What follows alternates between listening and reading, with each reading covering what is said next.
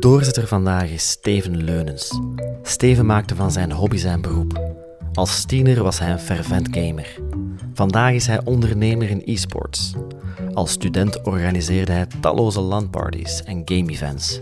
Ik verdiende er nog geen euro aan. Uh, ik ging een, een, vakantiejob doen om uh, mijn eigen vliegtuigticket naar het toernooi te betalen, um, zodat ik daar toch dat team kon sturen. Uh, maar ik amuseerde me vooral. Ik kon de wereld reizen, ik kon iets doen wat ik fantastisch vond. Lang voor Fortnite en Roblox leidde Steven een clan in League of Legends. Hij werd speler-manager. Zijn team speelde mee op topniveau en reisde de wereld af.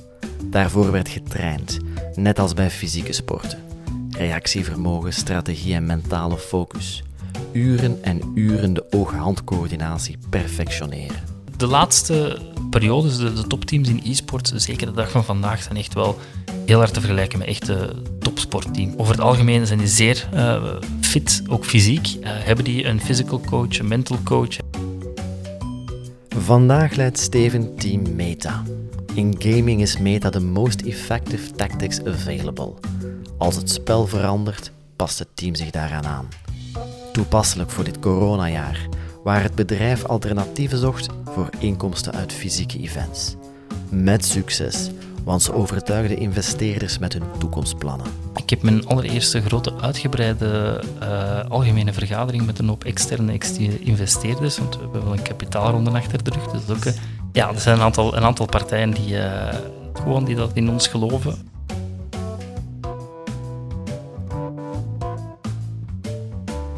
Welkom bij Doorzetters, een podcast van de Pieters over de kunst van het leven. We spreken met professionele doeners over hun link met sport en hoe sporten hen helpt doelen te stellen en bereiken. Doorzetten of loslaten is altijd de vraag. Steven, welkom bij de Doorzetters. Doorzetten vandaag, loslaten? Uh, wat is jouw mindset vandaag? Doorzetten, uiteraard. Het is een, het is een moeilijke tijd voor uh, heel veel mensen. Mm -hmm. het is denk ik een, een hele uitdaging. En uh, ja, er is maar één way forward en dat is uh, doorzetten en doorgaan. Ja. En, en dat is niet altijd even gemakkelijk. er zijn goede dagen en er zijn slechte dagen. Mm -hmm. um, maar goed, ja, we moeten er met z'n allen door. Hè. Ja, ja, inderdaad. Ja, misschien even kaderen. Jij bent co-founder en operationeel directeur bij een bedrijf in e-sports. En jullie hebben een deel activiteiten in fysieke events en een deel online. Ja, en toen, en toen kwam corona. Dus hoe zag jouw jaar er er zo wel uit? Uh, heel bewogen, want tussendoor nog wat uh, bezig geweest met een kapitaalronde. Nog een, een tweede kindje dat uh, mee op de wereld is gekomen. Ook waardecreatie? ja, ja, inderdaad, waardecreatie, waarde toevoegen aan die, die, de economische kringen, zal ik maar zeggen. Capex-investering. voilà, um, dus dat zit er zeker bij. En, en dan, ja, dan komt corona en dan zie je ja, meer dan de helft van je omzet gewoon uh, van één dag op een andere quasi herleid worden tot nul, ja, dat, komt binnen. En, en dan, uh, dan moet je met die andere co-founders rond de tafel gaan zitten, dan moet je beginnen becijferen, dan moet je gaan kijken, um, wat is de impact voor ons? Uh, hoe lang kunnen we het hier uitzingen? Um, hoe gaan we dat aanpakken? Wat kunnen we aanbieden? Um, zijn we direct beginnen nadenken en brainstormen over, zijn er dan in onze andere tak, die wel door kon, alternatieven die we kunnen aanbieden aan partijen? En hebben we er eigenlijk uh, op, op drie, vier, vijf maanden tijd uh, het toch wel, uh, toch wel moeilijk gehad, wat mensen op tijdelijke werkloosheid gezet. Je probeert te zeggen, oké, okay, ja, we gaan met z'n allen erdoor en we gaan er alles aan doen om jullie on board te houden. En dat is ons gelukkig genoeg gelukt. En dan mhm. merk je dat wij in, het geluk hebben dat, dat e-sports en alles wat erbij komt kijken, de afgelopen maanden toch wel goed hebben gedaan en dat het online gedeelte dat we hebben binnen het bedrijf, alles wat evenementieel wegviel, toch wel hebben kunnen compenseren. En, en um, ja, dat is, geruststellend. Maar langs de andere kant weet ik ook van, met wat wij doen, zijn er heel veel van onze toeleveranciers en partners die, die het toch wel een pak moeilijker hebben en die, uh, waar het water aan de lippen staat, waar uh, het is van ja, dag tot dag kijken, kan ik de rekeningen nog betalen, welke steunmaatregelen komen er? En uh, tot nu toe voor de evenementensector is dat zeer beperkt geweest. Uh, als je ziet wat andere sectoren uh, qua mm steun hebben gehad. Dus voor onszelf, ça va, maar uh, ja, we kijken ook even naar onze, onze bevriende partijen. Ja. We komen er straks op terug. We springen heel even terug in de tijd. Want, Mhm. want jij hebt zo, het is zo'n mooi cliché, je hebt van je hobby je beroep gemaakt. Absoluut. Eh, je bent op jonge leeftijd beginnen gamen. Mhm. Hebt dan tussendoor een beetje gestudeerd omdat het moest.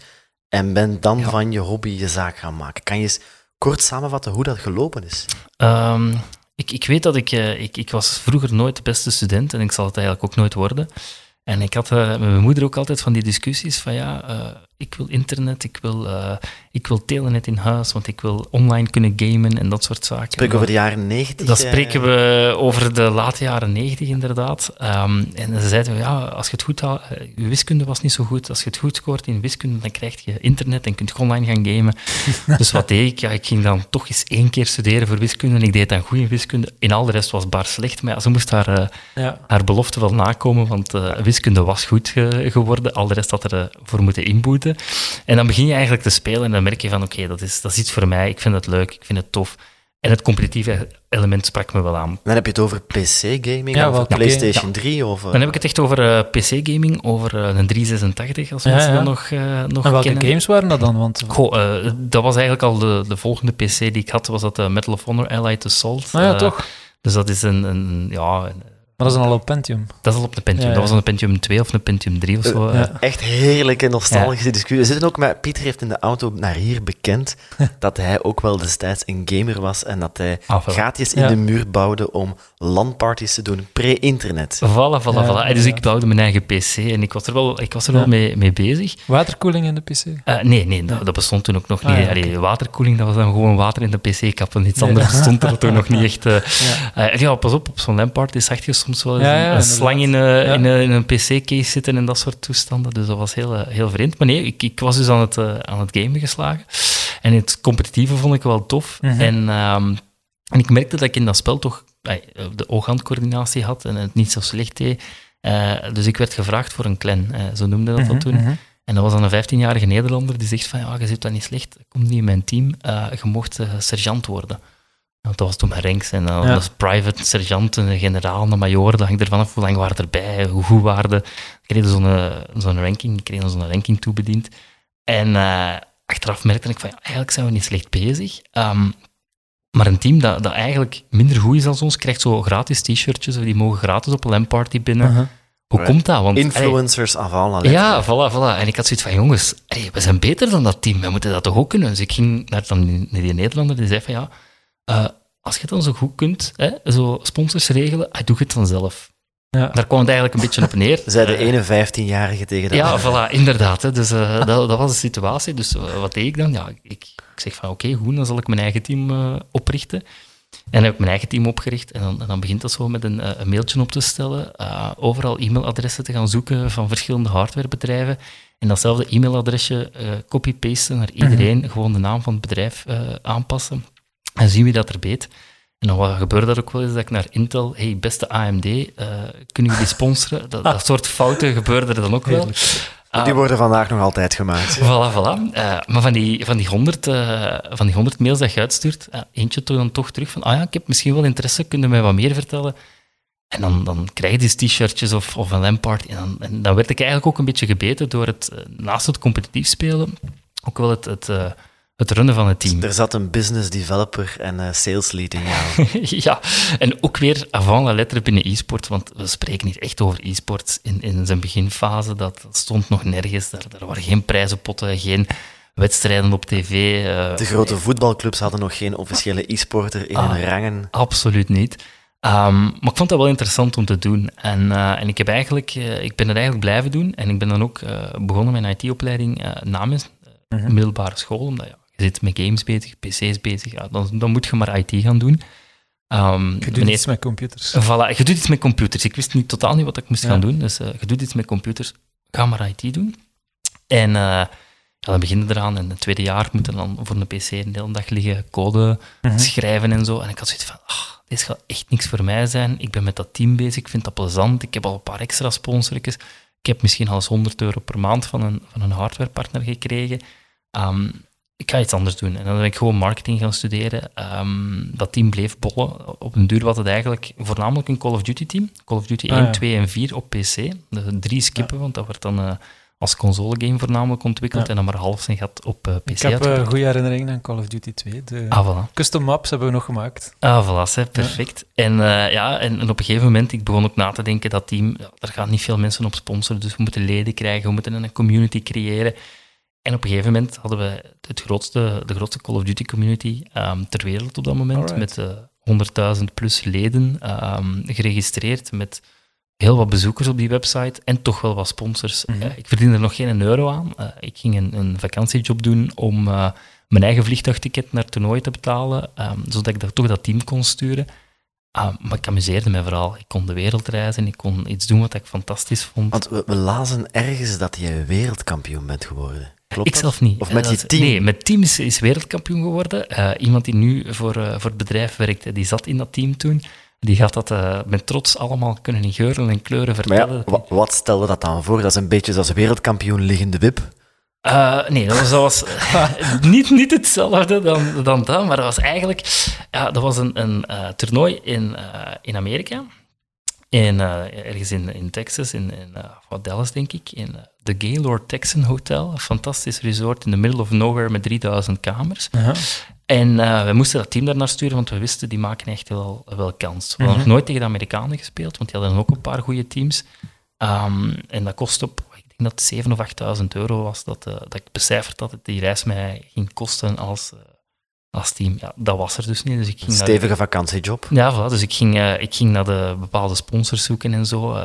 Ik had er een paar gevonden, maar ik raakte er niet. Dus ja, dan spekt je zelf maar met je vakantiejob bij om toch zelf mee te kunnen reizen. En Mhm. niet die jongens daar eh, eh, alleen op pad te sturen. Dan kom je eraan en dan kun je... eh, de prijzenpot totaal was, ik geloof, 20.000 dollar. Waarbij dat de eerste 9.000 dollar kreeg. Ehm, wij kregen als team op dat moment 10 of 20 procent van de, van de winsten van het, eh, van, van het team. Dus we konden maximaal eh 20% van 9000 dollar terugverdienen. Uh, Maar dus, als team, dat is dan als organisatie, Als achter de spelers die daar Ja. zitten. ja, dus dat was eigenlijk het idee erachter. Dus, je management fee. Dat is het model. ja, voilà. Ja. Maar we wisten sowieso dus, dat gaat hier een verlieslatende operatie worden. En Zelfs dat is- al winnen we, dan Ah, steken als we dat er al winnen we, dan, dan stoppen we eraan toe. Maar Ja. dat was gewoon, daar draaide het niet om. Hè. Dat was gewoon, we moeten daar zijn, we willen tonen dat we dat kunnen winnen. Daar waar vandaag Ninja en Tifio iedere week wel een miljoen euro prijzenpot lijken te winnen, in een of andere Fortnite-clash, eh, Ja. was het toen nog anders. Ja, terwijl dat dan net twee spelers zijn die niet competitief spelen. Dus die gaan niet zo snel de prijs op winnen, maar gaan er gigantisch veel geld mee Ja, ja, ja. verdienen. Ehm, maar ja, dat, dat, dat draaide het totaal niet om. Dat was een community die samenkwam. Ehm, dat waren fantastische evenementen. Ik heb mij over heel de wereld zo fantastisch geamuseerd eh, met wat ik mee bezig was. En dan studeert je af en dan, dan heb je een eindproject, eh, een groot toernooi georganiseerd, 32 nationaliteiten naar Antwerpen, 50.000 dollar, eh 50.000 euro prijzengeld bijeengesprokkeld Mhm. wederom geen euro aan verdiend, eh halve nachtmerries gehad met dingen die verkeerd lopen, Ehm, maar toch een goed evenement neergezet. En dan zijn ze afgestudeerd. En dan heb je zoiets van, Nu moet ik gaan programmeren. Ah nee, je oei, deed marketing. nee, marketing. Ja. eh, eh, goed, en nu? Eh, ja, eh, Want dan zegt je moeder, ja, maar daar kan je toch, dat is toch geen toekomst in, Ja. jongen. In ja, gaming. ze was ondertussen al wel met, die, met dat wereldkampioenschap, was er wel wat persaandacht geweest. Dat was het toch al zo'n beetje... Het heeft in de gazet gestaan. ja, dat is voilà, waar. voilà. Het, was, het was al ergens de stempel van... Het is in de standaard geweest, Ja. en, en ook in de P-magazine, maar kom, daar spreken we niet over. Het is van de standaard geweest en de tijd heeft er iets over gedaan. Ça va, hè. Ehm, maar goed, ja, dan, dan zit je daar en dan denk je van, oké, wat, wat kunnen we ermee? Mhm. En dan, dan probeer je dat ehm, een paar jaar gewoon iets op te bouwen in een, in een markt die eigenlijk nog nergens stond, waar nog geen geld mee te verdienen was. Ehm, heel veel eh, zwarte sneeuw gezien en dingen opgebouwd. En dan op een gegeven moment begint het toch, hetgeen dat je profetisch ooit voorspeld had van dit gaat nog eens groot worden, begint het allemaal stap voor stap toch wel eh, waarheid te worden. En kan je toch wel ja, meesurfen op, op wat er aan het gebeuren is. Wat zijn daar de drivers geweest? Is dat de komst van het internet? Eh, De Ja, de- consoles die meegeholpen hebben? Ik, ik denk eerder ehm, de visibiliteit dat je er eh, dat, dat, dat opkwam, platformen zoals YouTube en Ah, ja. eh, een streamingplatform zoals Twitch, wat Ja. misschien sommige mensen niet gaan kennen, maar dat is eigenlijk een website waar dat je gewoon games kan gaan, gaan bekijken. Dus mensen die games aan het spelen zijn, kan je gaan volgen. Ehm, dat was toen met een voorganger van Justin TV, begon dat net allemaal op te Mhm, komen, het mhm. streamen. En met dat daar eigenlijk een community, mensen spelen die games, Call of Duty, FIFA, noem maar op, Ze speelden de games, er was een publiek voor. En plotseling kon je er ook kijkers aan gaan koppelen. Kon je daar een, een, een, publiek mee gaan bereiken, los van het zelf spelen van die games. Ja. En, en ah, waar publiek zit, daar gaat uiteindelijk ook wel die markt naartoe. Dus ja. begon dat ook wel wat, eh, wat te groeien. Misschien eens kijken naar het sportieve, eh, Mhm. want het heet e-sports. Ehm, we hebben bij Doorzitters al wel discussies gehad. Hè. We hebben dus een, een, Ja. een, een jonge dame gehad die parapente vliegt in competitie, maar dat is een, want we lachten een beetje, een zittende sport. Mhm. We hebben dus overwegen... Zelfs een patattenzak kan het. Ja, voilà. Het, het- er is nu eh, ehm, een heel populair schaakprogramma op Netflix. Maar ja, Ja. is dat dan een sport? Ja, ja, dat is een Ehm, sport. Dat is een officiële sport. Ja, ja, leg ons absoluut. eens uit, waar zit de sport in e-sports?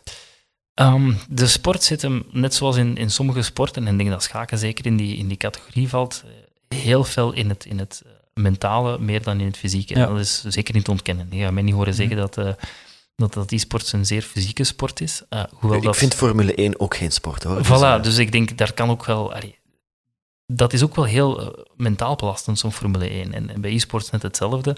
Er kan ook wel iets gezegd worden van, kijk, met de VR en VR e-sports komt er ook Mhm. wel een zeer fysiek element aan. En dat zal zeker ook wel waar zijn. Ehm, maar, maar voor mij is het vooral het, het mentale aspect. Het, eh, het competitieve van, je gaat je voorbereiden, je gaat proberen te excelleren in een spel, je gaat proberen eh, te perfectioneren, je gaat eh, tactisch inzetten, je gaat mentaal tegenover een tegenstrever staan die, eh, die je niet enkel eh, met je acties gaat kunnen doen, maar ook met een mentaal spel, een mentaal duel dat je gaat hebben, net zoals dat bijvoorbeeld in schaken het, eh, het geval zal zijn, en dat je zeker in het programma van Netflix ehm, wel naar voren gaat zien komen, is het ook gewoon een, een, een zeer tactisch iets. ehm.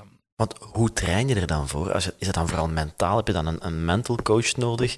Moet je dan mind games gaan doen? Of, of is er ook een fysieke vorm van training? Ehm, de, de laatste periodes, de, de topteams in e-sport, zeker de dag van vandaag, zijn echt wel heel hard te vergelijken met echte topsportteams. Die hebben zijn niet meer die dikke Chinezen van Nee, vroeger. eh, die, die moeten over het algemeen zijn die zeer eh, fit, ook Mhm. fysiek. Eh, hebben die een physical coach, een mental coach, hebben die een, eh, eh, een aantal coaches en scouts, hebben die een, een chef, hebben die psychologen die hun bijstaan, een heel entourage om ervoor te zorgen dat dat zo professioneel mogelijk is, want de stakes are high. Mhm. Ehm, en, maar is dat absoluut noodzakelijk om in e-sport goed te zijn? Nee. Als je goed bent in het spel, dan, eh, dan kan je dat ook als je, je het dubbele gewicht hebt van wat er normaal zou mogen. Ehm, maar als je dat dan neemt vanuit je, eh, vanuit je veilige omgeving thuis en je zet dat dan in een, eh, een grote arena met 50.000 mensen die op jou kijken met een hele dag lang dat je meegetrokken wordt in een mediacircus, in een gigantische druk dat er op jou wordt gezet, ja, dan begint het ook wel een ander verhaal te zijn. En als je dan fysiek niet in orde bent, dan zie je nog veel harder af van, eh, van zo'n dag, van zo'n activiteiten. En dan zie je dus dat top e-sporters over het algemeen vrij, vrij fysiek wel, eh, wel in orde zijn. Mhm. Ehm, dus het is wel, het is wel zeker, eh, er is wel zeker een link ook te, te maken. Maar je zei, die twee gamers die zijn niet competitief. Aan de andere kant heb je gamers die heel competitief zijn. En competitiviteit is duidelijk wel een, een belangrijk onderdeel van het sportaspect in de Mhm. e-sports. Hoe kan je dan niet competitieve sporter zijn en toch op hoog niveau meedraaien? Ehm, ja, ik, ik, ik verwoordde mij misschien niet 100%. Het zijn, het zijn streamers, het zijn geen games. Voilà. Het zijn- Ah, ja, Ze zij het zijn voor, eigenlijk... voor het ja, publiek. Ja, voilà. Ze, ze zijn eigenlijk voornamelijk bezig met het, het entertainen van het publiek. De show. toevallig, het zijn twee goede gamers. Hè. Dus Ja. ze zijn in heel veel games ook echt top en, en, en weten wel wat dat ze doen. Te zeker. Eh, Ja. Ninja iets minder, die is, is heel goed, maar die is minder breed, zal ik maar Ja. zeggen. Um, maar ze spelen niet echt, eh, denk ik toch, eh, voor zover ik Ze weet. spelen heel veel de games waar veel naar gekeken wordt. Dus ik denk dat die jongens Fortnite echt wel gatbeu zijn. Ja. Maar daar kijken gewoon kiddo's naar. Ja. En per keer dat je een YouTube dumpt, ze zijn met miljoenen views en dan heb je een inkomstenmodel. Mhm. Dus Mhm. ja, dan ga je eigenlijk de veel coolere hardcore games niet spelen ten voordele van die kids games. Maar is dan wel sport? Eh, die heeft bijvoorbeeld een, een, een eh, top e-sporter, eh, Shroud. Dat is ondertussen ook een zeer goede streamer. En die heeft het competitieve element achter zich gelaten, omdat hij besefte van ik kan via te streamen en gewoon zelf het schema te bepalen. Ik ga elke maandag om acht uur streamen, bij wijze van spreken. En ik ga met mijn fans video's maken, content maken, daar mijn verdienmodel mee zitten. In plaats van de hele wereld te moeten rondreizen om in teamverband competitief te gaan spelen, aan toernooien deelnemen, een loon te trekken in plaats van sponsorships. En hopelijk, als ik een goed team heb en, en goed presteer, ook nog wat, eh, wat prijzengeld erbij. Die had gewoon het rekensommetje in zijn hoofd gemaakt en, en die zegt van ja, ik kan daar meer verdienen, ik haal uh, misschien daar ook meer voldoening uit. Um, of ik heb daar meer flexibiliteit dan uh, ja, als ik in de competitieve scene... Dat is toch wel een, een, bepaald ideaalbeeld of een bepaald... Ja, je moet een bepaalde zingeving in, in de sport hebben om... Want je zegt, een loon verdienen, zijn die sporters dan in, in loonverband gamers? De, de absolute uh, uh, en dan spreek je al over duizenden, uh, misschien zelfs tienduizenden ja. gamers, en niet meer over honderden zoals tiental jaar geleden. Die, die verdienen heel mooi in hun brood met, met e-sports.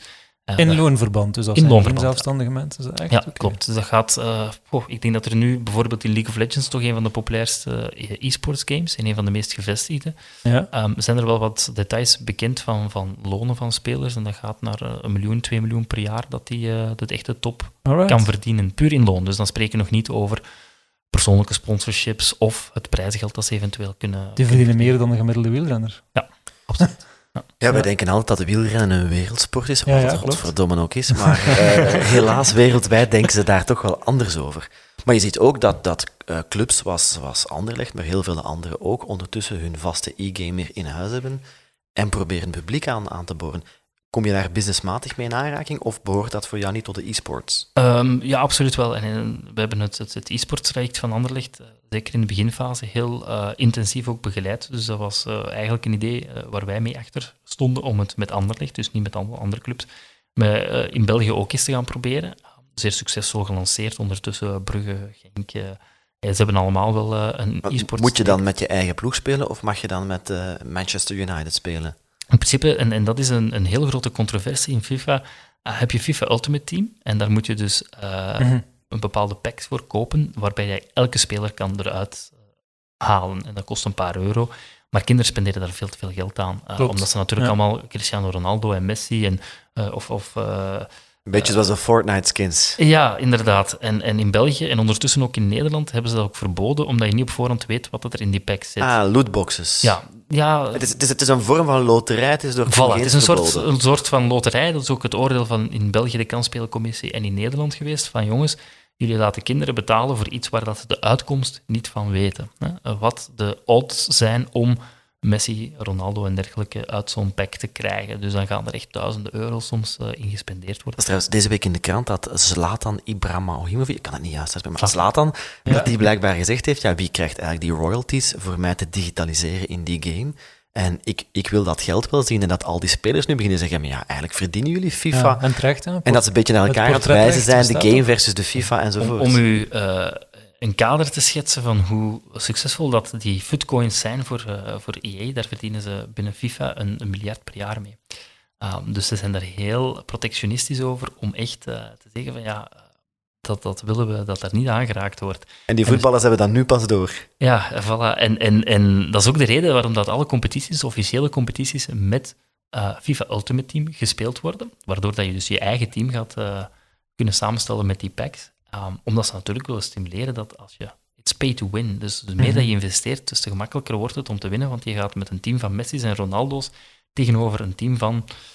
Uh, noem een, een, een doordeweekse voetballer uh, tegenover je, je, staan. Ja, de topteams in, in, uh, in België, en dat weet ik uit ervaring, die bedragen gaan tussen de 5 en de 15, 20, 25.000 euro per speler om zo'n team te gaan bouwen. En ik weet dat er in het buitenland zelfs 50, 60, 70.000 euro soms wordt aan, uh, aan gespendeerd. Ja, om een team te bouwen, met andere woorden, om die kaarten te kopen, spelers in uw team te krijgen en dan pas te kunnen starten. Ja, om eigenlijk aan het officiële wereldkampioenschap deel te nemen. Dus digital assets kopen en dan mensen, spelers aan je team koppelen. En dat is iets waar, daar, daar sta ik zelf ook absoluut niet achter. Mm ter, ter, verduidelijking, um, dat is... Uh, vind het ergens de manier waarop, misschien niet 100%, maar wel goed dat het in België en Nederland aan, aan banden wordt gelegd. Ik denk dat andere landen op termijn ook gewoon gaan volgen, want het is niet 100% kosher.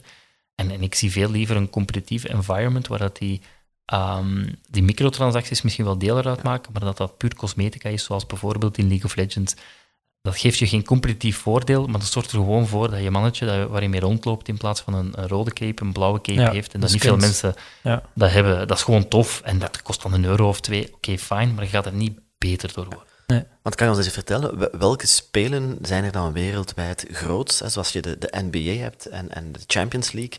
Hoe vertaalt zich dat in gaming? Ehm, dat is altijd een belangrijk punt. En als mensen denken van we gaan in, in e-sports iets doen, dan denken ze van ja, we gaan gewoon iets in e-sport doen. Hebben we alle e-sporters bereikt. Dat is niet waar, want je moet eigenlijk eh, moet je het bekijken als een verzameling van verschillende sporten. Dan kan je ook niet zeggen, ik ga iets in sport doen. Nee, je gaat iets in basketbal, in voetbal, in, in wielrennen of zo doen. Ehm, en in e-sport is dat juist hetzelfde. Dus elke game is een apart ecosysteem, aparte competities, toernooien, regels dat er rond zitten.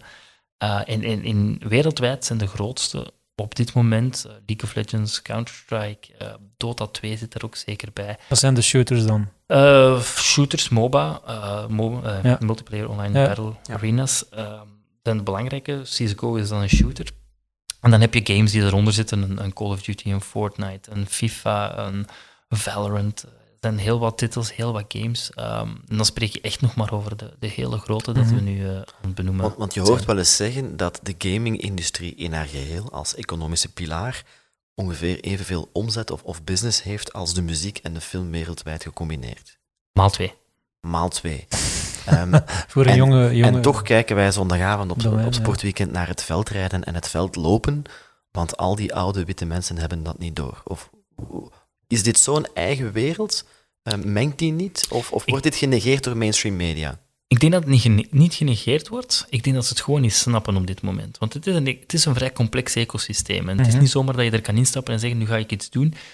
Want als je het op dezelfde manier gaat benaderen als traditionele sport, dan ga je wel eens tegen de, tegen de muur lopen. En, en dan gaat het wel eens eh, wel wat geld kunnen kosten. Eh, en dat is waar dat wij natuurlijk ook wel het voordeel hebben dat we die bedrijven kunnen gaan begeleiden om dat te doen. Dus dat is eh, waar dat wij onze... of de gamingwereld heeft die klassieke media niet nodig, want je hebt je. Twitch en je andere. Ja, dus het is, het is een generatiekloof. hè. Je zit met, eh, met de generatie, eh, begint zo een beetje bij, bij mijn leeftijd, ik ben 35 jaar, alles wat daar zo onder zit, dan ga je zien dat het percentage van mensen die e-sports kent, wat die dat er actief mee bezig is, gaat elk jaar dat je zakt, gaat dat gewoon hoger en hoger en Mhm. hoger worden, totdat je ergens rond die 14, 15, 16 jaar wordt, en dan gaat dat richting 60, 70, 80, 90 procent in sommige gevallen. Ik zag deze week dat de staatssecretaris Sami Medi gamet eh, Mhm. en aan het gamen was met kinderen om het sociale contact te verhogen. Maar dat zal ook wat de eerste zijn. Niet alleen de eerste eh, ehm, staatssecretaris of minister met en een kleurtje en roots, Mhm. maar die ook gamet en die ermee naar buiten komt. Ik- Ik heb eh, enorm veel bewondering voor een Amerikaanse politici. Alexandria Ocasio-Cortez, ik weet niet wat de naam het zegt. Knappe dame, ja. Knappe dame, Vurige maar vooral dame. vurige dame, eh, zeer eh, progressief, liberaal en, en misschien zijn de standpunten politiek, ga ik me niet over uitspreken. Ehm, daar, daar- dat denk ik niet dat hier aan de orde is. Eh, maar vooral, zij heeft voor het eerst, een paar maanden geleden, in aanleiding van de presidentsverkiezingen in Amerika, en om Joe Biden te, te steunen en awareness te creëren van de jeugd, van jullie moeten gaan stemmen, heeft zij voor het eerst gaan, eh, gaan streamen op Twitch, op dat digitaal platform. En heeft zij een redelijk eh, populair spel Among Us gespeeld. Moet het maar eens bekijken. Heel eh leuk. Een beetje een Drake-moment geweest, hè, zoals Drake ooit met Ja. Ninja zeker. Heb je dat nu? Voilà. Klopt, ja. En, en zij heeft voor, met haar eerste stream 500.000 volgers eh, gehaald. Ze heeft pieken gehaald van, ik denk, 600.000, 700.000 concurrent viewers. Ze heeft een gigantisch publiek kunnen bereiken door op dat platform te gaan streamen. Eh, en ze heeft dus ook heel wat jongeren politiek kunnen bewegen om te gaan voor het eerst stemmen. En dat vond ik Mhm. van, vind ik fantastisch dat je dat ziet. Eh, ze heeft een paar weken geleden nog een tweede stream gedaan. Daar heeft ze dan 300.000 dollar opgehaald eh, voor een goed doel. Hey, dan zie je echt wel dat die, die jongere generatie, want zij is echt een van de jongere generatie van politici in, in Amerika, die snappen het. Die zijn er ook mee opgegroeid. Ze wordt goed geadviseerd. Maar zij is... Nee, maar, het- maar het is heel... Maar nee, maar je zegt dat. Maar bij haar was het ook, en dat, is, dat, dat merk je, en dat is enorm belangrijk in e-sport, het is zeer authentiek. En, Mhm. en je merkt dat ze gewoon zelf gamet, zelf games speelt. Ze speelt zelfs heel veel League of Legends. En ze zegt dan van, ja, ik heb die rank, ik heb Diamond voor het eerst Diamond. En ze was een heel trots en ze zette dat online. Heel de League of Legends-wereld ontplofte van zo'n eh, high-level politici die, eh, die ook ons spel speelt, one of us, hè, dan eh, wordt dan gezegd. Ehm, maar het is, het is authentiek en, en, die authenticiteit is heel erg belangrijk. Als je die niet hebt, ja, maar ze gebruiken het om publiek, want terug, ze gebruiken het om een publiek aan te spreken, om een bepaalde link te leggen met een, een groep mensen die de traditionele media of de oldschool mensen eh, niet bereiken. Maar als we spreken over sport, moeten we dan onze kinderen niet meer verplichten om te gaan voetballen of om te gaan fietsen? nee, nee ik, vind, ik vind een, fysieke, een fysiek element zeker, zeker belangrijk. En, en dat, dat zal er hopelijk altijd bij horen om ook fysieke sporten, om ook te lopen, ook te, ja. uh, de fitness te gaan, te voetballen of andere zaken te gaan doen. Um, dus dat, dat, daar ga ik zeker niet voor uh, uh, een lans breken hier om te zeggen van jongens, laat de, de, traditionele sporten voor wat het is en doe allemaal maar e-sports. Um, maar, maar ik denk wel dat je niet mag, mag onderschatten wat voor um, positieve aspecten je met e-sport kan bereiken. Mm -hmm, en, en ze hebben uh, een onderzoek in, in Denemarken gedaan, waarbij dat ze de top van de e-sportswereld uit Denemarken, ze hebben een aantal heel goede eh, spelers, in, in Counter-Strike bijvoorbeeld, een team dat heel lang aan de, absolute top heeft uh, gestaan. Mm En ze hebben die eigenlijk uitgenodigd naast Olympische medaillewinnaars, naast andere topatleten, en ze hebben puur oog-handcoördinatie getest, en die kwamen er met wimpel dat die er bovenuit staken. Dat was, dat was fenomenaal gewoon om te zien. Ik kon op een gegeven moment ook iemand zeggen van um, niemand maakt er een probleem van als iemand tien uur per dag piano speelt om de koningin voilà. Elisabeth-wedstrijd te winnen. Maar als iemand tien uur per dag oog-handcoördinatie doet om in games collaborative samen een doel te bereiken, dan hebben we schrik dat dat de volgende uh, mall-killers worden die uh, echte mensen in het echte leven gaan neerknallen. En, en dat is zo'n outdated uh, stigma dat er rond zit van dat is... Uh, nog steeds, hè? ja, nog steeds, maar, maar ik heb vooral geleerd, ik kon uh, op, op wat, wat, zal het zijn, 19-jarige leeftijd, 20-jarige leeftijd zeggen dat ik de wereld aan het rondreizen was, met een groepje jongeren van 17, 18, 19 jaar, die uit vijf, zes verschillende landen kwamen. Um, dus we hadden een, een, twee Nederlanders, met, een met Oekraïnse route, een met Turkse route, we hadden een een Belg met Poolse roots, we hadden een Fransman, we hadden een mhm. Duitser en, en ik zat er dan bij. En dat was het team waar we dan met die uh, competities aan deelnamen. En we hadden vrienden over heel de wereld. We hadden Amerikanen dat we kenden, we hadden een aantal... Ja, ja, exact. Uh, dat, dat, was een enorm sociaal gebeuren. Um, en, en dat was, ja, was gewoon vooral heel, heel tof. En dat was ook op een bepaald niveau topsport. Uh, dat was trainen, dat was tactisch werken, dat was teamwork. Van als jij dit doet, reageer ik zo, of gaan we zo uh, daarop aanpassen. Dat was puur psychologisch. Um, dus jij, jij, hoefde geen Vlerik MBA te gaan halen, uh, jij hebt het daar wel geleerd in de praktijk. Ja, met, met vallen en opstaan. Hè. Ik, ik, uh, er zijn een aantal zaken, zeker als ondernemer, dat had iemand mij die tien jaar geleden verteld, dan had ik dat advies zeker harte genomen, want ik heb het op een hardere manier want ik las ergens dat je zei van ik heb meer geleerd door het te doen dan door naar school te gaan. Als je mhm. nu in een innovatieve sector zoals e-sports en gaming zit, je hebt jonge kinderen, binnenkort gaan die naar school, waar nog steeds het, het principe geldt, het is nu wel corona, maar zodra het terug mag, gaan we allemaal op hetzelfde moment op dezelfde plaats naar hetzelfde kijken. Hoe kijkt iemand als jij naar, naar onderwijs? Ik, ik zie het vooral als, als dat er uh, nog meer naar praktijk moet gekeken worden. En uh, dat vooral het, het hokjesdenken is iets wat dat mij... Um, storen is misschien het verkeerde woord, maar toch um, vind ik dat daar wel eens maar naar, mag naar gekeken worden van als je niet goed bent in wiskunde, ja, dan, dan, dan loopt het ergens fout.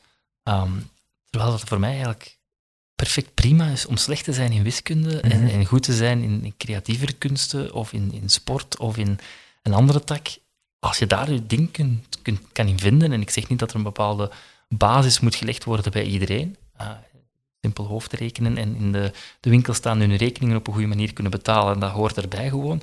Maar ik vind dat ook dat het onderwijs heel vaak eh, te, te nauw denkt over wat, onze jongeren moeten kunnen. Klopt ook wel. En ik denk ook, zeker in gamen, waar, uh, spreek ik uit ervaring, heel veel aspecten van wat je later in het leven wel tegenkomt, uh, aan bod komen. Hoe vroeger dat je ontdekt wat je zelf wil, wat je zelf kan en wat je eigenlijk niet wil en waar je minder goed in bent en misschien beter aan een, aan een teammate doorgeeft, hoe sneller dat je zelf op pad bent om, om een goed traject af te leggen, in plaats van verplicht te worden om in een wiskunderichting of een taalrichting te gaan.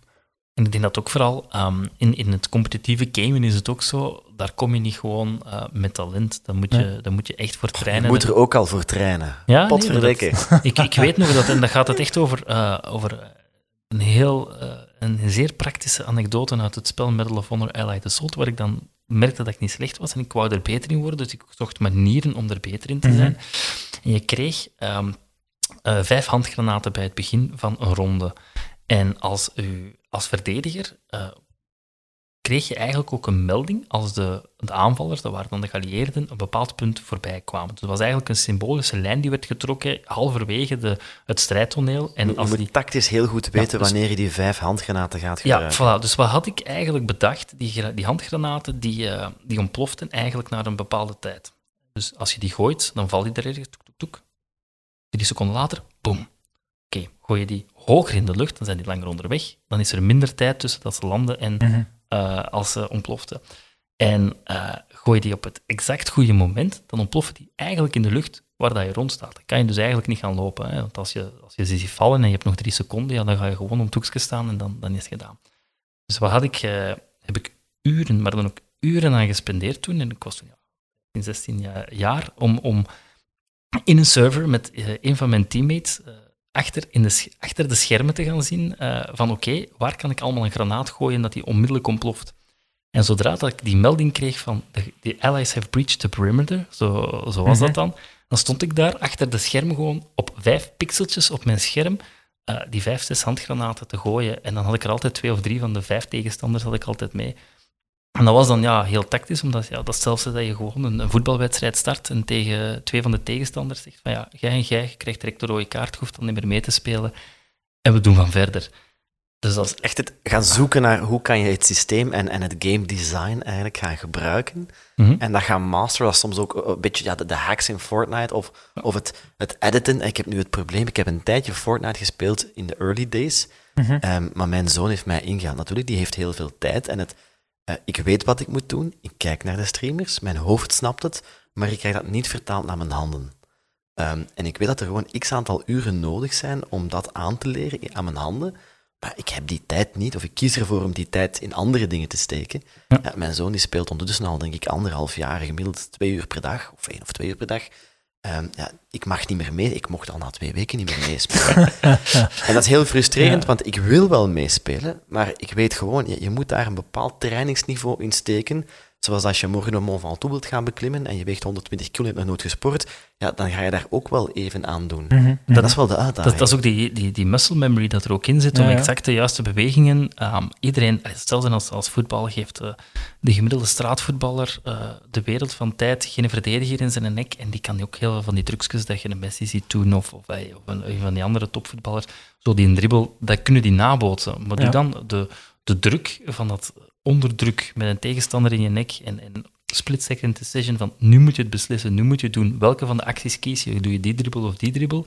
Ja, dat is ook gewoon natuurlijk op een gegeven moment voor een topsporter. Dat is, dat is muscle memory, dat is eh er ingebakken van, van drie jaar oud eh, op de straten met zo'n aftandse voetbal daar met, met de vriendjes eh 10, 12 uur per dag liggen voetballen. Daar zit dat ingebakken. En dat is bij, bij gaming eigenlijk net hetzelfde. Dus daar zit eigenlijk ook wel een heel mooie eh, link met topsport. Dat is exact hetzelfde En zit hij er ook eh, op niveau van voorbereiding en review? Want heel vaak worden eh, battles op voorhand, battles misschien een verkeerd woord, maar in sportwedstrijden worden alle scenario's op voorhand wel eh, uitgetekend en uitgesproken. En wordt er gezegd, oké, als dit zich voordoet, gaan we dat doen. Als dit zich voordoet, gaan we dat doen. Het spel gebeurt, de wedstrijd wordt gereden, de wedstrijd wordt gespeeld, nadien wordt er gereviewd. Doen jullie dat ook in het team? Is dat, Dat iets wat- is, dat is absoluut ook iets wat dat, eh, zeker op topniveau enorm belangrijk is. Ja. Er zijn aparte scouts en coaches. Er zijn bij elk topteam in een topgame vier, vijf mensen specifiek daarmee mee bezig. Om, wedstrijden te analyseren, team voor te bereiden, scenario's uit te dokteren. Nu gaan we dit eens proberen, die tactiek, die aanpak, ehm, die reactie gaan we doen. Ehm, als jij dit doet, dat.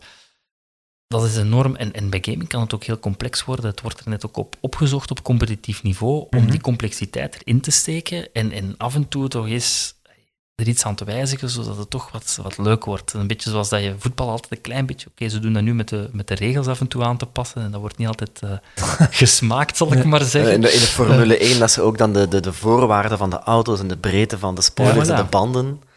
Maar- Ehm fiets er ons misschien wel eens even door, want je hebt gezegd eh, studies, eh, eerste events georganiseerd. Vandaag heb je een bedrijf met, ik dacht, een twintigtal medewerkers. Klopt. Ehm, hoe ben je daartoe gekomen en wat bieden jullie dan vandaag aan? Ik hoor dan een stukje consulting, ik hoor de teams. Wat, wat zit daarin? Wat kan ik kopen bij jou? Ehm, kopen weinig, bitter weinig. Uh, veel kennis. Hoe kan ik mijn geld uitgeven? ja, Oké, daar, daar kan ik wel een oplossing uh, voor geven. Dat is altijd geen probleem. Um, nee, ik ben eigenlijk na mijn studies, dus uh, als afstudeerproject had ik een, een, idee. En dat was ook een deel van mijn idee om, om de community samen te brengen en gewoon iets leuks te doen. Het was een groot evenement. Ehm, ik ben eigenlijk na mijn studies voornamelijk op het evenementiële verder gegaan. Mm Dus ik begon bedrijven eigenlijk Offline events, offline events, ja, offline events, inderdaad. Uh, offline events, dus ik begon bedrijven te begeleiden van, oké, kunnen jullie uh, iemand gebruiken die in, in winkels bijvoorbeeld een activatie gaat doen, of uh, wil jullie geen sponsor worden van een, een, offline evenement? En ik ben daar eigenlijk mee verder gegaan, maar dat was, dat was heel moeilijk. Ik, ik, ik woonde nog thuis, gelukkig, want anders had het niet, niet gelukt.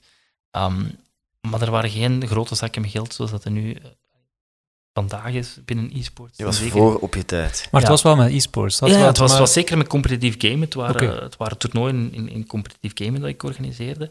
Uh, maar, maar ik kon stelselmatig toch iets opbouwen. Ik ging mhm. van een aantal jaren, dat gaat echt over jaren, geen loon en vakantiejobs en dit en dat, tot naar, ah, ik heb toch iets verdiend en oh, misschien kan ik mijn eigen toch iets loon uitkeren en dan zo op te bouwen. Uh, en ik ben oh, een, een, jaar of uh, zeven, acht dan in contact gekomen met een aantal, uh, met mijn twee co-founders, uh, mm Gary en Birger. Die, Birger kwam uit exact dezelfde verhaal, een beetje als ik, mm maar die had Gary gevonden en die zijn samen eigenlijk een, een concurrent voor het, spijtig genoeg, binnenkort teloor gegaan Nine Lives uh, ja, gestart. Het wordt beëindigd. Ja, het, het, stopt dus de echte oldschool mensen die... Uh, de community iets, uh, rouwt. Ja, ja voilà. Um, dus dat gaat de stekker eruit in, in januari. Dus, ze zijn daar eigenlijk voor... Gary is daar eigenlijk als, als redactielid vertrokken, heeft Birger tegengekomen en die zijn samen voor Gamers als website gestart. Mm -hmm. En voor Gamers is altijd een, een mediapartner geweest van mijn evenementen. En ik merkte, uh, ik had altijd het idee van een goede gamebeurt, dat, uh, dat mist België nog. Uh, want we hadden toen in de tijd Next wel, maar dat was al een jaar of twee geleden dat dat nog had plaatsgevonden. Mm -hmm. En ik had zoiets van, ja, evenementieel, ik denk dat ik het wel kan organiseren. Um, ik zag nog wel wat groen achter mijn oren, dus het was misschien een bold statement, maar goed. Uh, zonder dergelijke statements komt geen ja, Niemand zou het beginnen als je op voorhand uh, wist wat hij moest doen. Uh, en, en, maar ik had één probleem, en dat had ik al gemerkt met een aantal evenementen dat we deden, um, is, is, dat communicatie niet mijn sterkste kant was. Ik was er niet zo graag mee bezig en dan blijft dat altijd achter. En, en het evenement opbouwen was plezanter en de sales en de marketing. En, maar het echt, het, communicatie en de community, je bedoelt dan intern operationeel communicatie? Uh, nee, eh, vooral naar, naar externe toe, het, uh, bereiken, het bereiken van het publiek. Ik had natuurlijk al wel een community opgebouwd, maar dat was echt een, een heel pure... Ik zit in een game en het is mijn game en ik zit in diezelfde community. Dus mhm. dat was heel natuurlijk voor mij om die community op te bouwen. Ja. Um, maar om gewoon mensen een ticket door hun strot te rammen en te zeggen, je moet naar dat evenement komen en je moet daar 20 euro of 15 euro of whatever voor betalen.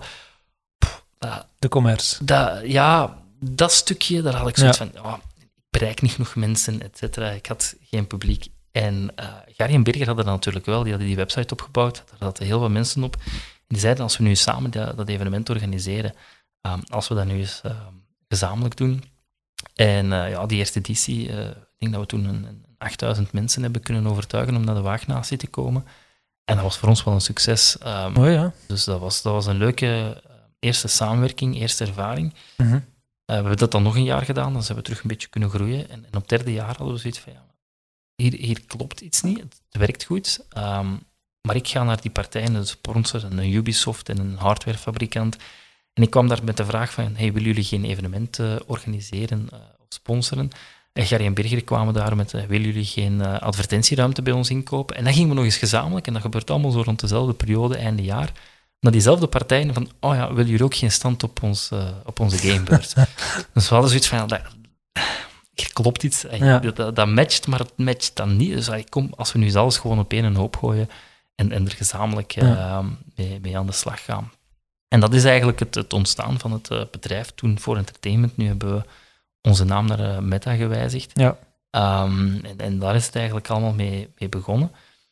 En, en ja, van, wat, van waar komt de naam? Uh, meta is uh, in heel veel games, het, buiten het feit dat het heel tof klinkt. Uh, ja, ik vond het ook wel cool hoor. Maar, in, internationaler is de meta in gaming is de, de most efficient tactic available. Het is een, het is een voluit, wat dat bijna niemand voluit gebruikt, Maar in tactische termen wordt er heel vaak over de huidige meta van een game gepraat. Dus nu val ik door de mand als onvoldoende kennis van Gameland. Ja, dus, dus dat wil eigenlijk zeggen dat, dat uh, in een bepaalde game, in Counter-Strike, in League of Legends, verandert de meta, de manier waarop je het moet gaan spelen.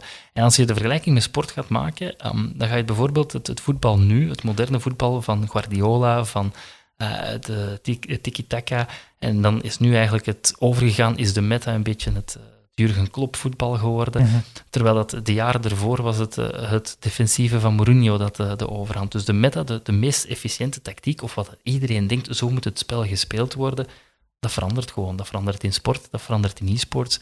Het is een beetje zo de, de lean start-up van de gamewereld. Van, van ja. een andere manier van kijken naar hoe je die business gaat doen. Ja, dus dat is eigenlijk in onze filosofie van altijd mee zijn met dat wereldje. Dus we hebben eigenlijk twintig mensen die voor ons werken, maar die mensen zijn eigenlijk allemaal in hart en nieren ook gamer. Die, spelen niet al die games, die spelen één van die games. Mm -hmm. uh, maar dat zorgt ervoor dat wij een bepaalde kennis kunnen aan de dag leggen om te weten wat werkt er hier en wat werkt er hier niet. En, en die kennis gaan we dan inzetten om bedrijven die die doelgroep interessant vinden. En die doelgroep die wordt elke dag maar groter. Maar de doelgroep is dan wel de game community? Ja, game community, de gamers, de e-sporters. Dus breed gamers, maar ook uh, iets nauwer de competitieve gedeelte ervan, ja. e-sporters. Um, die kunnen we heel goed bereiken. En, en dat doen we via evenementen. Gameforce is daar een, een, een mooi voorbeeld van, mm -hmm. dat is dan de Gamebeurs. Um, dat doen we via de website, dat doen we via allerhande e-sports competities die we organiseren in verschillende games. Um, en daar kunnen we eigenlijk tegen bedrijven gaan zeggen van oké, okay, jullie willen die doelgroep bereiken, want jullie hebben een, een zakje chips of jullie hebben een verzekering of een auto of wat dan ook dat jullie uh, in de picture willen zetten. En jullie doen dat via radio, tv, kranten, magazines. Maar als je dan echt gaat kijken van die doelgroep tot 30 jaar, die kijken eigenlijk niet zoveel tv niet meer. Mm -hmm. Die lezen geen kranten, die lezen geen magazines. Die zitten op YouTube, die zitten op TikTok, die zitten op Twitch, die zitten op andere verhalen, die kijken naar e-sports uh, sterren. En daar kunnen wij dan een alternatief bieden voor die bedrijven om hun uh, marketing-euro's goed en beter te besteden dan dat ze dat binnen boeiend, uh, boeiend. agency Audience en attention model voor media. Ja. Zijn jullie dan uh, aangesproken geweest om de COVID-regels uh, aan te brengen aan de doelgroep? Uh, we zijn er, dat is een van de opportuniteiten waar we zelf zijn opgesprongen, maar dat is niet echt veel reactie op ah, ja. Okay. Ze snappen het dan toch niet zo nu, goed? Ik, ik, heb binnenkort wel voor het eerst met Benjamin Dalle volgende... Ah, ja volgende maand, of met het kabinet in ieder geval, een gesprek. Allee, er zijn al wel wat gesprekken, we werken ook samen met, met Sport Vlaanderen en ja. zo. We doen ook heel wat met e-sports games die heel nauw aanleunen bij traditionele sporten. We mm -hmm. werken met Sporza samen, we gaan een exclusief uh, nieuwtje misschien, het is nog niet bekend, maar het zal soon bekend zijn, met Flanders Classics, een heel platform lanceren waarbij dat je virtual cycling kunt gaan ja, doen in ja, competitief ja. Hebben, verband. Ik denk Thomas van de Spiegel, de CEO, er onlangs nog over horen spreken. Um, over hoe dat hij de lokale classics... Uh, heel boeiend verhaal, die staat trouwens op onze, op onze Ja. wishlist. kan misschien wel iets betekenen om eens een, een contactje uit, Voilà, uit doen te- we, regelen we. Fantastisch ook om die man op een fiets te zien. Dat is een, een ex-basketter die op een, een maat Die heeft een grote fiets 72 of zo zit. Ja. Nee, maar het is, het, en, en daar, eh, daar maken we die link op. Dus wij lanceren eigenlijk... Wat we voornamelijk mee bezig zijn, is producten lanceren waar dat we van denken, daar gaat een gamer of een e-sporter iets aan hebben. Mhm. En dan achteraf proberen we dan wel uit te dokteren hoe dat we er dan eh, een, een businessmodel rond kunnen bouwen, waar dat we eh, via advertenties, via partnersponsors, dat Ah ja, dan ook nog Dus wat... j- eigenlijk, jullie maken eerst iets voor de community en dan bedenken jullie... Ja, het, we hangt, het hangt een beetje samen. Dan gaan er niet altijd even... ey, eh, het is niet, het is misschien een beetje eh, verkeerd gezegd. We denken er wel over na van hoe gaan we dit dan Ja. ooit vermarkten of hoe gaan we ervoor zorgen dat we dit kunnen blijven doen. En soms is die keuze, ja, we gaan het gewoon doen omdat we het willen doen voor Ja. de community en niet enkel commercieel. En Mhm. we hebben een, eh, eh, een, een, eh, college league opgestart waar dat we 21 universiteiten en hogescholen eh, tegen elkaar laten opnemen. Dat is geen louter eh, commercieel product en daar wordt ook niet louter commercieel naar gekeken. Dat vinden we gewoon belangrijk om, om studenten Ja, ehm, te absoluut. ondersteunen. Dat is onze, onze bread and butter binnen tien jaar. Ja. Het is voor zorgen dat die studenten eh, in e-sports hun ding kunnen doen, dat die voldoende kennis kunnen, eh, kunnen opdoen, dat die platform game krijgen. design studios hebben, hoe heet ze? Eh, Larian in Antwerpen? Eh, ze? Larian zit in Gent voornamelijk. Ja. Ja. En je hebt Eh, D- door de mand.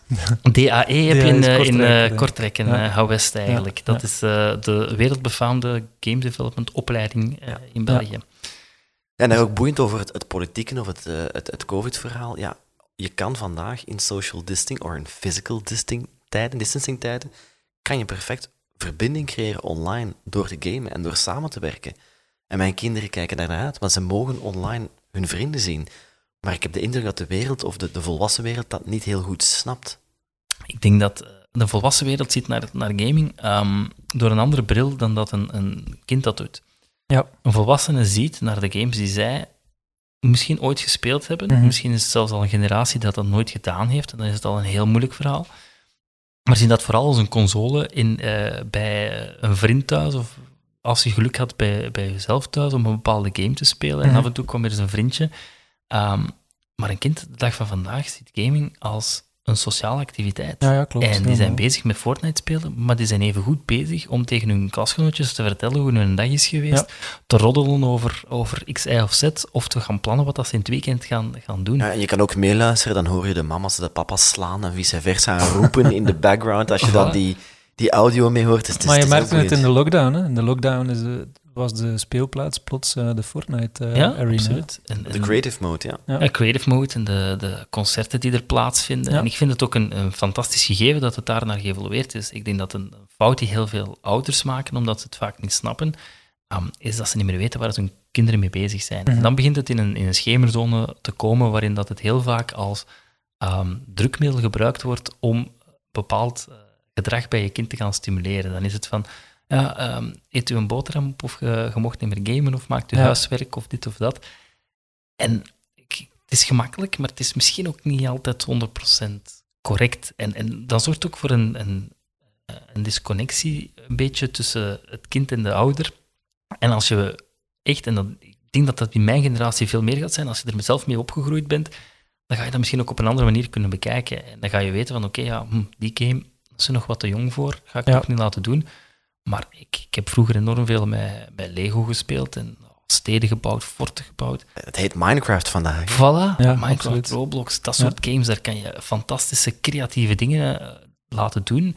Maar je moet wel weten dat het bestaat en je moet een kind van 12 jaar geen GTA laten spelen. En Ja. dat, dat gebeurt nog eh, iets te vaak, denk ik.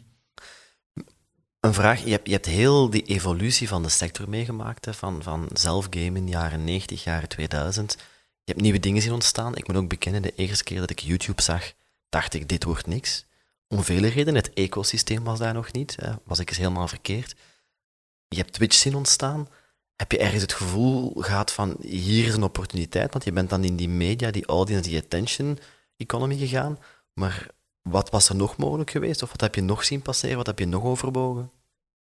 Voor mij is het eigenlijk altijd daarbij gebleven. Ik heb, ik heb eigenlijk nooit alternatieven eh, opgezocht. Ik heb eh, nooit echt voor een, eh, een baas gewerkt buiten de vakantiejobs die ik heb gehad. En, en ehm, ik was er altijd heel gepassioneerd mee, mee aan de slag gegaan. Ik heb zelfs gemerkt, zo die periode dat ik nog op, op school zat, 2006, 2007, 2008, eh, ben ik ook afgestudeerd. Eh, ik studeerde dan marketing en, en sommige van mijn docenten, ehm, het waren eigenlijk wel de beste studenten, eh, docenten bedoel ik, die, eh, die beseften van hier ben ik nog niet volledig mee mee. En die zeiden dan, zeg Steven, dat heel YouTube-verhaal kun jij eens uitleggen, de Twitter, Facebook en YouTube, wat nu het verschil is tussen die drie Ja. social media en hoe dat je dat als marketeer kunt inzetten. Dan had ik zo van, ah ja, oké, Twitter, dat is kort, dat is dit. En dan zag Facebook, jij je uitleg in de, in de les terugkeren, alsof ze Ja, het hadden en- uitgevonden. En dan, ja, nee, maar dat, dat, was dan voor de les, eh, dat was voor de klas. Dus dan werd ik dan echt gevraagd om voor de klas dat te gaan uitleggen. Dus voor mijn medestudenten, dat was dan Ja. half awkward. Maar dat waren dan ook de docenten die dat er geen probleem van maakten als ik dan eens een, eh, een week niet kwam, omdat ik naar een toernooi in Amerika ging. En dan waren er andere docenten die, die, ja, die maakten er dan wel een probleem van. En dat waren dan meestal de docenten die daar niet voor open stonden. Om, Ja, ja. om toe te geven dat wat zij aan het prediken waren misschien niet meer de waarheid Mhm. was. En dat er misschien een hele beweging... Want ik, ik wist het toen ook nog niet allemaal. Hè. Dat ga ik zeker niet, eh, niet weten. Maar ik zat er wel dieper in dan de docenten op dat moment in, in heel het eh, social media gebeuren. Ik had in eh, 2007 al een, een YouTube-kanaal met, met 1 miljoen views. Dat is nu is dat, is dat niks meer, is dat, is dat peanuts. Maar toen was dat gigantisch. En dat, was, dat waren opnames van jouw games waarbij je dan commentaar gaf, net Nee, zoals het ik- vandaag gebeurt? Ik, ik had het eigenlijk het idee, eh, in de community die ik aan het opbouwen was, eh, niemand wou dat team sponsoren. Daar was ik eigenlijk vrij snel achter. Dat niemand, eh, they don't care, they don't know. Er was e-sport- niemand in een marketingmanager-positie die snapte wat daar aan het gebeuren Ja, was. dus die hadden zoiets van, jongens, eh, een team naar Amerika, nou, daar ga ik niet voor betalen. Ja. Oké, ja, goed. Dan We je- sponsoren het veldrijden wel. Ja, eh, we gaan er creatief moeten mee omgaan. En ehm, dan had ik gedacht van, ja, maar waar betalen ze wel voor? En dat is advertenties naar een bepaald publiek. Dus ik moet gewoon een publiek hebben. En dat was nog niet te vinden via streaming media, YouTube en, en dergelijke. Dus ik heb die, die community website met die reden uitgebouwd. En ik had er eigenlijk een aantal ideetjes voor van eh, hoe ik die community groot kunnen maken. En ik heb het enorm geluk gehad dat ik heel veel fantastische mensen eh, heb gehad die heel vaak weken, maanden, jaren van hun leven hebben opgegeven om die community mee groot te maken. Maar dat was nieuws schrijven over andere teams, waardoor dat mensen naar de website kwamen. En ik zeg van, ja, een geregistreerd lid is toch net iets beter dan een niet geregistreerd lid. Dus ik ga toernooien organiseren en je moet verplicht een account hebben bij Ja. ons. En dan is er een prijs van eh, dingen erbij. En ik ga ook al een database creëren van allemaal heel toffe video's die mensen ooit gemaakt hebben. Dus dat zijn zo de zogenaamde frag movies. Ik had er meer dan duizend en ik had die in die database gestopt. Mhm. En ik had een aantal creators eh, bij mij ge- geroepen en gezegd, kunnen jullie, als jullie iets nieuw maken, dan niet via mijn community doen. En dat heeft eigenlijk keigoed gewerkt. En dan begin ik sponsoring en, en, en advertenties te verkopen daarop. En ik gebruikte dat geld gewoon om dat, om dat team te, te funden eigenlijk. Hè. Dat, daar het eigenlijk Als ze, als ze gaming als, als, als sport en als competitie en als economie niet snappen, dan snappen ze de attention economy wel en laten ze dat maar adverteren. Ja, Ja. voilà, absoluut. En nu is dat wel omgedraaid. En nu kan je perfect, eh, eh, ik zal niet zeggen elk bedrijf binnenwandelen, maar toch veel meer bedrijven binnenwandelen en zeggen van kijk, eh, e-sports, eh, it's a big thing. Er zijn teams, er zijn spelers, er zijn Mhm. competities, die worden uitgezonden, daar is een publiek voor. Net zoals in traditionele sport, in plaats van inderdaad misschien het veldrijden of eh, traditionele voetbal of zo te sponsoren, kan je ook dit doen. Ik wil het zeker niet eh, allemaal gaan wegnemen bij de traditionele sport. Ik ben een zeer fervent eh, voorstander van sportsponsoring, sportbeleving, eh, sportexperience, alles wat erbij komt. Ehm, maar e-sport is daar een zeer mooie toevoeging aan. Ja, ja, zijn complementair, absoluut. Ja. Als je nu vooruitkijkt, eh je hebt het laatste jaar meegemaakt in COVID. Ehm, de schermtijd is gigantisch gestegen. De online streaming abonnementen zijn gigantisch omhoog gegaan. Er is een nieuwe Xbox, een nieuwe PS5, ehm, er zijn nieuwe modellen. Ehm, Google heeft zijn eigen model. Ehm, wat zie je nog gebeuren voor jouw bedrijf nu we allemaal met zoveel eh, op schermen bezig zijn? Ik, ik denk vooral dat ehm, de evolutie die, die ingezet is geweest nog verder gaat, gaat doorgezet worden. Dat eh, de competities ook hier lokaal meer tractie gaan krijgen. Dat, en, en dat is niet altijd even gemakkelijk om hier lokaal een, een competitie die echt met Belgische teams, Belgische spelers en enkel dat eh, groot wordt. is niet altijd even gemakkelijk, maar Zou, zou het kunnen al? Nu een Belgische competitie puur met Belgische spelers en Belgische teams? We proberen dat te doen en in Ah, ja. verschillende games doen we dat ook. Dan Oké. Organiseren we het, het eh, Belgisch kampioenschap in League of Legends, het Nederlands kampioenschap in League of Jullie zijn een Legends. beetje de voetbalbond van de e-games dan. Ja, de bond niet echt, maar de, ja, de, de, or- ja, de organisator wel van de, van de league, de, de Pro League eigenlijk. Hè. Dus Ja. eerder de Pro League dan dat we de bond zijn. En ook een, voetbal, een, een biersponsor of eerder een gamblingsponsor? Eh, geen van de twee mogen. Dus dat is een, Fantastisch, dat dat zouden ze voor alle sporten moeten Ja, toepassen. dus dat zijn eh, eh, in, in de categorie en in de game League of Legends, we hebben daar een licentie voor om dat exclusief te mogen doen. En daar mogen we dus inderdaad geen, eh, geen pornografische, geen eh alcoholische... dat is minder. Ja, voilà. Dat is, eh, dus geen alcoholische eh, sponsors, geen bettingsponsors. ehm daar, daar weren ze zeker eh, binnen, het, binnen Dus dat de, wereld. de gamingwereld is progressiever dan die klassieke Op sommige momenten, niet alle games. En Dat is weer het andere ecosysteem, want we doen een andere competitie en dan moet ik wel toegeven dat er wel een, een bettingsponsor eh, Ja. op zit. Dat hangt van de game af en hoe dat, die, eh, hoe dat de maker van het spel... Want dat is wel een groot verschil. In, in gaming heb je wel een extra stakeholder dat mee aan de tafel schuift. Mhm. Je kan, niemand kan jou verbieden om, om een bal te nemen en, en een balletje te trappen. De uitvinder van het voetbal zit niet aan tafel bij de voetbalbond. Voilà. ehm, en dat is wel het geval bij alle e-sportcompetities. De maker van dat spel heeft daar wel heel veel over eh, te zeggen, over zijn IP. En er zijn erbij die dat, dat heel eh, streng nemen en heel, heel hard naar zich toe trekken en zeggen ik zal het allemaal wel gaan organiseren en je mag blij zijn om een stukje ervan te krijgen. Maar er zijn er ook anderen die dat gewoon loslaten en, en organiseren maar. En dat is dan een franchise? Jij krijgt dan de franchise België of Benelux om de Ja, dat is een, dat is competitie een license, dat is een, een, een license eigenlijk, een licentie voor meerdere jaren om die competitie eh, in goede banen te gaan leiden en eh, te gaan organiseren. Ja, mooi. Cool. We zitten hier eh, in de mooie campen, op social distance natuurlijk. Absoluut. Je kan hier fantastisch mountainbiken. Ik hoorde jou al fervent over voetbal. Ehm, kom jij aan sporten toe? Je hebt een, een jong gezin. Kom je aan sporten toe fysiek? Kom je aan sporten toe qua e-games? Ehm, ik ben zelf ook een, een eh, over het algemeen wel competitief ingesteld iemand. Eh, ik ga de meeste sporten begin ik eraan en probeer ik altijd wel te winnen. Ook al Mhm. ben ik in sommige heel erg eh, slecht, maar die oog-handcoördinatie die helpt wel in sommige andere, eh, andere sporten. Maar ik ben zelf ook... Vogelpik. Ja, Ja, pingpong.